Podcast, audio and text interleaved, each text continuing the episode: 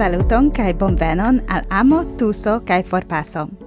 Tiu ci estas la unua lautema serio de Bobelarto, en kiu ni lautlegas noveloin de la unua novelaro de la intercultura novelo concurso. Ni electis dek rakontojn el inter la finalistoi por vi. Tiujn rakontojn gis nun vi povis nenie legi, nur ĉi tie vi povas aŭskulti ilin antau la novelaro aperas en augusto. Ĉu vi povas diveni kiuj gajnos premion ĉi-somere en Montrealo dum la Universala Kongreso? Aŭskultu ĉiujn epizodojn kaj defiu vin diveni. Aŭ simple elektu kiuj verkoj plaĉas pleje al vi. En la unua epizodo la laŭtlegadon komencas vere ikona voĉo de Brazilo, Paulo Sergio Viana. Li legas al ni sian finalistan novelon kun la titolo La Hundeto. Mm -hmm. La hundeto.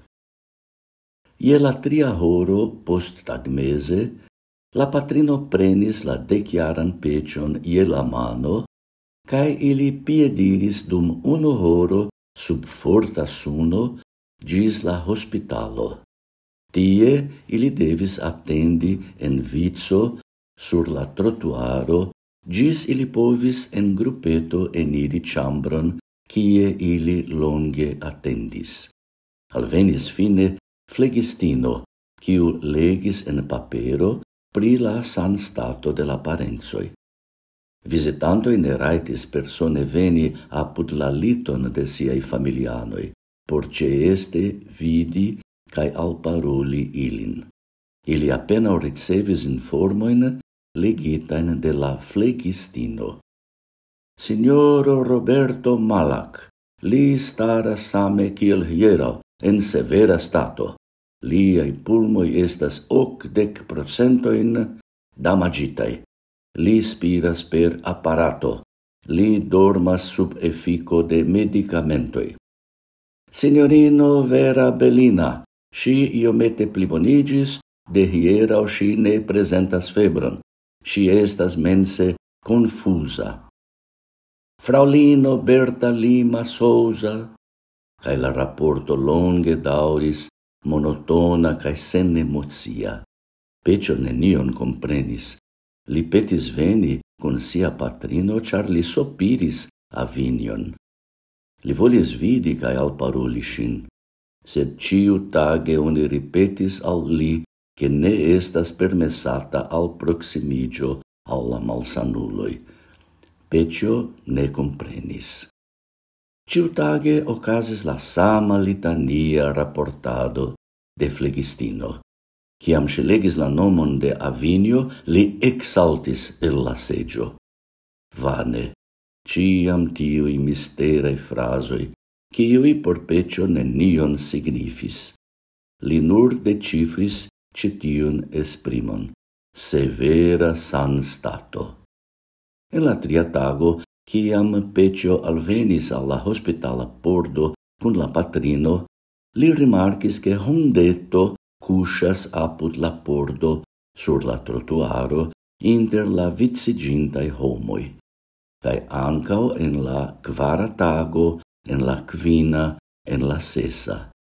Gi ciam cuscis sur la sama loco proxime alla enireio, Neniu attentis pri gi, same kiel neniu attentis pri pecio. Circa la deca tago, la patrino ne alvocis pecion. Ciam alvenis la tria horo postag mese, li demandis, «Ciu ni ne venos alla hospitalo, panio?» «Ne, pecio, hodio ni ne iros tien». Pecio nenion demandis, La sequantagon, la patrino de nove neglectis la visiton. Pecio ne comprenis, sed prenis decidon. Li iros sola. Cai tion li faris, cai post unu hora pasciado li alvenis ce la hospitalan pordon. La hundeto cusis sur la sama loco. Pecio envicigis, envenis la attendo chambron, kaj attendis la rapportantan flegistinon. Si longe rapportis pri multae pacientoi, sed quancam li attendis gis la lasta rapporto, li ne audis la nomon de Avinio. Pecio confusite eliris il tiu malfelicia chambro. Ciam li revenis sur la trotuaron, antau la hospitala enireio, lin captis gioiga surpriso.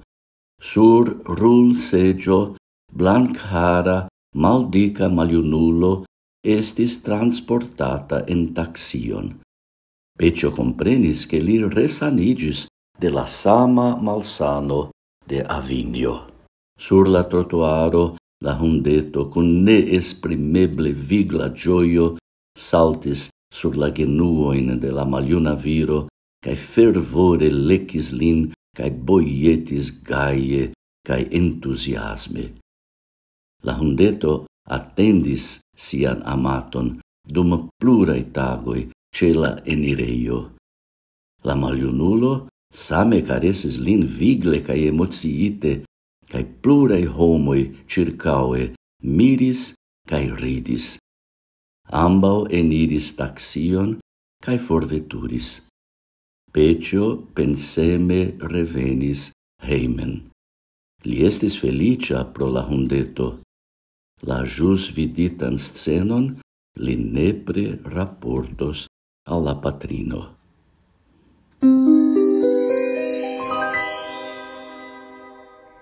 Dankegon al Paolo Sergio Viana por la lautlegado, cae por la vercado de tiu ĉi tre bella racconto. Li ancora revenos per alia novelo iomete poste en nia serio. Ciu tiu ci estas la gaininta novelo? Ciu vi salivas por audi pli? Abonu la serion kie ein vi auscultas nin nun kai komparu kun la racconto en la sekva episodo. Vi povos legi sen page anca utiunci novelon en la novelaro de Amo, Tuso kaj Forpaso, se vi abonas la novaĵleteron de Bobelarto en nia retejo. bobelarto.inc. La dudec nau finalistain noveloin vi trovos en la septembra novaj lettero, ancau cun la informo kiu gainis. Kai se vi pensas ke vi povus verki pli bonan rakonton o tiuci, vi havas bon chanson. Vi jam povas sendi al ni vian novelon kun la temo Nocta Voyaggio, ĉar la dua interkultura novelo konkurso okazas precize nun. Iru tuj al la retpaĝo de Ink por la detaloj. En la prescribo de tiu ĉi vi trovos ĉiujn ligilojn. Ne forgesu, Bobelarto estas la plej mojosa komunumo de literatur amantoj. Dankon, ke vi estas parto de ĝi.